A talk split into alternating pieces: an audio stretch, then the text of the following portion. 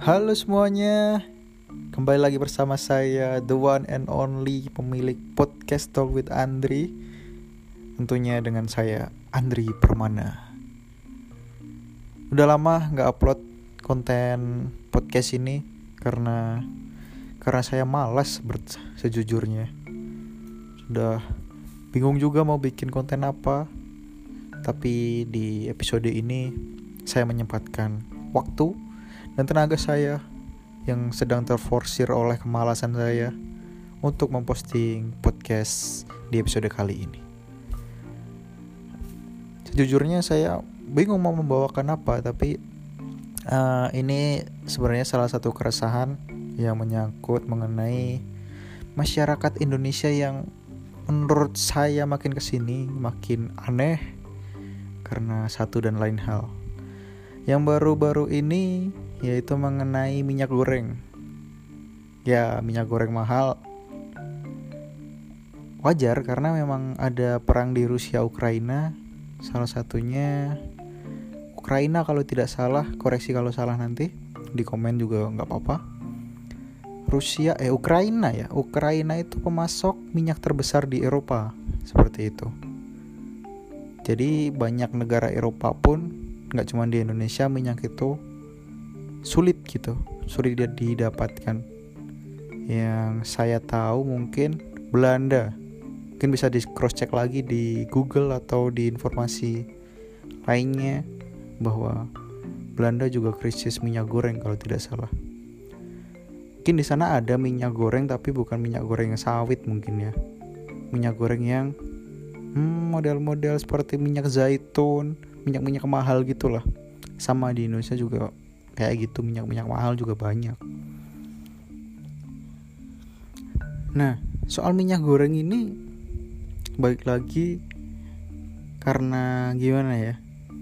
Indonesia sebenarnya juga produsen minyak sawit tapi yang banyak orang tidak tahu minyak sawit itu rata-rata diinvest dari luar gitu. Pemiliknya rata-rata dari luar Indonesia bukan orang Indonesia asli. Jadi kemungkinan uh, investor itu yang punya perusahaan kelapa sawit itu yang memproduksi minyak khususnya pasti bakal menjual keluar. Karena setahu saya minyak goreng harga minyak goreng di Indonesia itu terlampau murah pada waktu itu yang cuman sebelum harga eceran tertinggi 14.000 yang satu liter itu saya pernah menjumpai yang harganya 1 liter itu 10 ribu.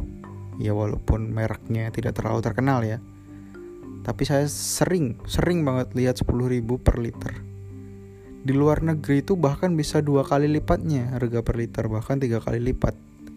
Itulah kenapa mungkin uh, produsen minyak di Indonesia yang notabene orang luar yang tidak mikirin negara mana dia buat minyaknya itu udah pasti bakal nyari keuntungan terbesar seperti itu.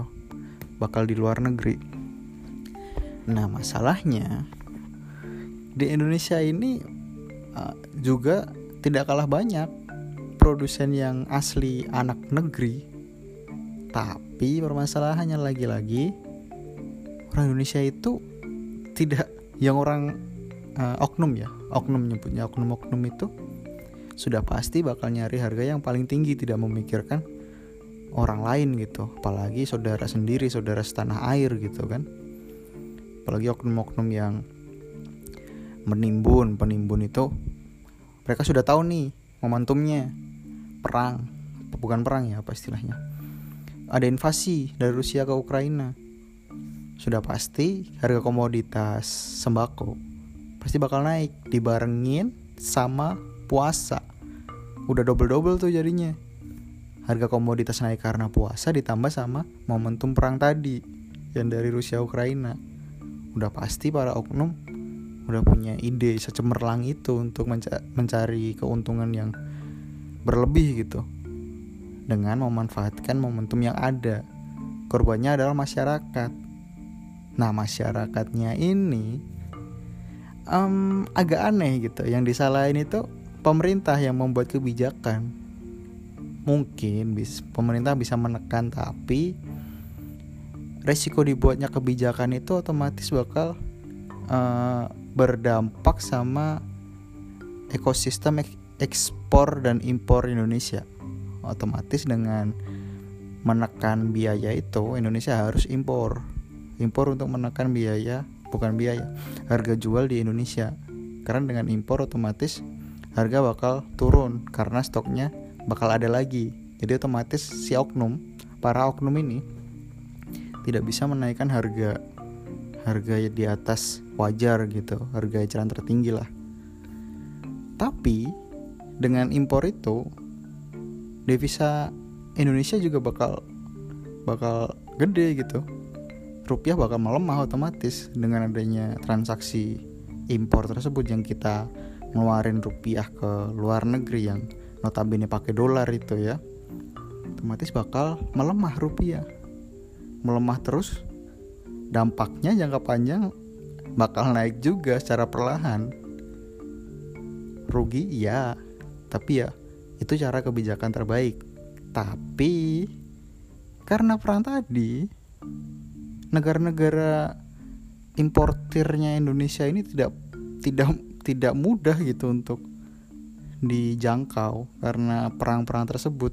Kalau misalnya Indonesia impor minyak dari si A si A ternyata si pendukungnya negara Ukraina gitu otomatis kalau si A yang pendukungnya Rusia Indonesia beli di situ, Rusia bakal menuduh Indonesia yang tidak-tidak mendukung Ukraina lah bla bla bla.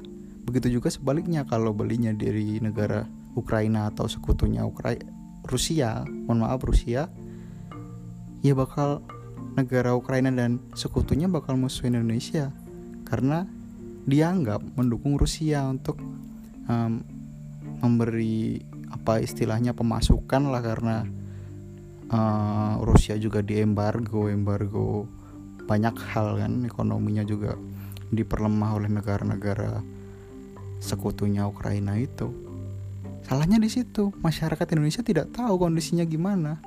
Banyak orang yang ah pemerintah kok gini kok gini banyak yang kayak gitu aneh banget menurut saya hal-hal seperti itu karena apa mereka tidak tahu yang sebenarnya terjadi itu apa. Hanya bisa menyalahkan pemerintah. Oke, pemerintah membuat kebijakan. Tapi tidak tidak semudah itu membuat kebijakan. Kebijakan itu hanya bisa berlaku kalau pertama kebijakan itu menguntungkan untuk Indonesia, yang kedua karena terpaksa. Kalau terpaksa terus, terpaksa ini pasti ada kerugiannya, kerugian jangka panjangnya atau dampak jangka panjangnya pasti ada. Yang masyarakat tidak tahu jangka panjangnya itu bagaimana mereka tidak tahu masyarakat ini. Yang itu yang jadi menurut saya sangat aneh gitu. Masih seputar minyak. Uh, saya melihat juga uh, pen ketua ketua partai gitulah. Lagi demo demo masak direbus. Oke okay lah demo masak direbus itu nggak masalah nggak ada masalah kan. Dengan dalih minyak susah masyarakat harus bisa merebus bukan bisa merebus. Masih bisa membuat uh, makanan yang direbus which is tempe rebus. Tahu rebus bisa ayam rebus juga bisa kan banyak makanan yang bisa direbus ayam kecap opor ayam. Nah, justru opor ayam kan kita sering makan tuh waktu apalagi waktu lebaran. Bisa buat persiapan. Tapi masyarakat Indonesia terlampau terlampau kreatif menurut saya. Yang kita tahu yang makanan direbus itu ya makanan-makanan direbus banyak lah di Google banyak YouTube banyak demo-demo masak di TV juga banyak yang di makanan-makanan rebus yang nggak pakai minyak.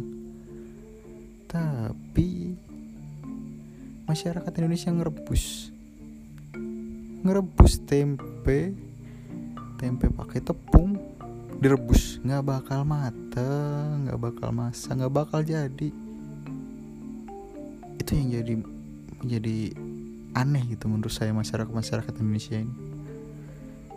Jadi gimana ya masyarakat Indonesia ini terlanjur fanatisme gitu sama sesuatu satu hal gitu di Indonesia sehingga bisa memusuhin orang lain gitu. Hal lain gitulah memusuhi hal lain. Sampai segitunya gitu. Sempat terpikir kalau Indonesia itu emang salah. Salah memposisikan karena tidak ada musuh gitu. Negara netral. Musuhnya negara sendiri kan jatuhnya. Masyarakat sendiri tapi ya kalau musuh sama negara lain susah juga kita. Tapi kalau musuh masih sama masyarakat sendiri oke okay lah kalau cuma debat-debat kalau sampai nanti terjadi pertumpahan darah seperti itu menurut saya juga kasihan juga rugi juga masyarakat Indonesia. Ya kalau menurut saya sewajarnya saja kalau kita suka sesuatu tidak perlu melebih-lebihkan lah saya juga seperti itu. Ya kebijakan tidak setuju ya tidak masalah. Kita menyampaikan aspirasi tidak masalah. Kita melihat yang salah tidak masalah untuk menyampaikan aspirasi itu. Tapi dengan catatan kita ada solusinya. Seperti itu. Tidak hanya menyampaikan aspirasi ini salah kok begini gitu. Tapi tidak ada solusi apa-apa. Salah. Kita harus memikirkan solusinya juga kalau bisa kita memikirkan solusinya sendiri dibuat per kelompok sendiri. Tidak perlu kita mendebatkan kebijakan yang ada di atas seperti itu. Kita bisa mandiri jatuhnya malah bagus kalau mandiri. Bayangin di tingkat terkecil itu kalau mandiri berkembang Indonesia. Bukan cuman berkembang biasa gitu maju mungkin udah kalau seperti itu. Karena mandiri lagi balik lagi ke mandiri itu.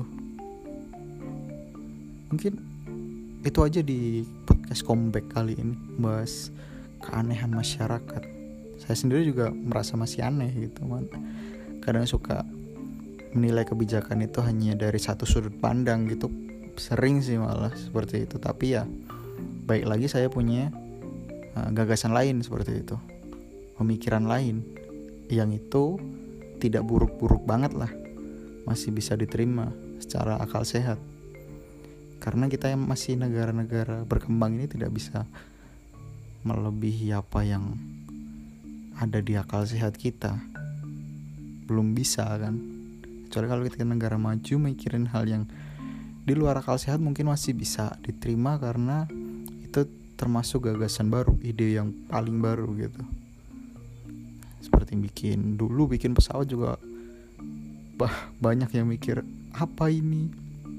Halu mungkin maksudnya sekarang halu banget bikin.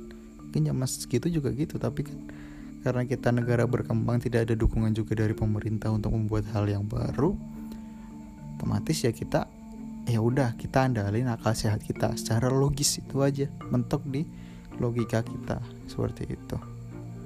Mungkin untuk masyarakat Indonesia yang mendengarkan podcast ini satu hal yang pengen saya omongin gitu ke, masyarakat masyarakat ini yang dalam tanda kutip aneh termasuk saya sendiri. Cobalah melihat semua hal atau satu hal itu dari berbagai sudut pandang. Jangan hanya melihat dari satu sudut pandang yang dipenuhi dengan ketidaksukaan itu tadi. Cobalah lihat dari sudut pandang yang lain pasti banyak banyak pertimbangan juga. Kalau kita melihat pemerintah membuat kebijakan pasti banyak pertimbangan yang diperlukan. Apalagi undang-undang belum ada. Saya saya kira sih omnibus law belum ditekan ya. Kalau omnibus law ditek, udah ditekan berarti bisa bisa satu-satu kesatuan gitu peraturannya. Tapi kalau belum diteka disahkan seperti itu mungkin masih banyak hal-hal yang uh, saling saling apa ya istilahnya saling men, tidak mendukung gitu antara peraturan yang ini dengan yang ini. Tidak sinkron gitu. Jadi kita kadang bingung juga dengan peraturan tersebut. Karena tidak sinkron tadi. Kalau ada yang omnibus law yang satu peraturan satu pintu peraturan seperti itu kan nggak mungkin diulang-ulang kan. Seperti itu nggak mungkin ada multi tafsir seperti itu. Mungkin masih ada multi tafsir tapi tidak. Multi tafsir dalam artian bertabrakan peraturannya seperti itu mungkin tidak tidak akan terjadi seperti itu.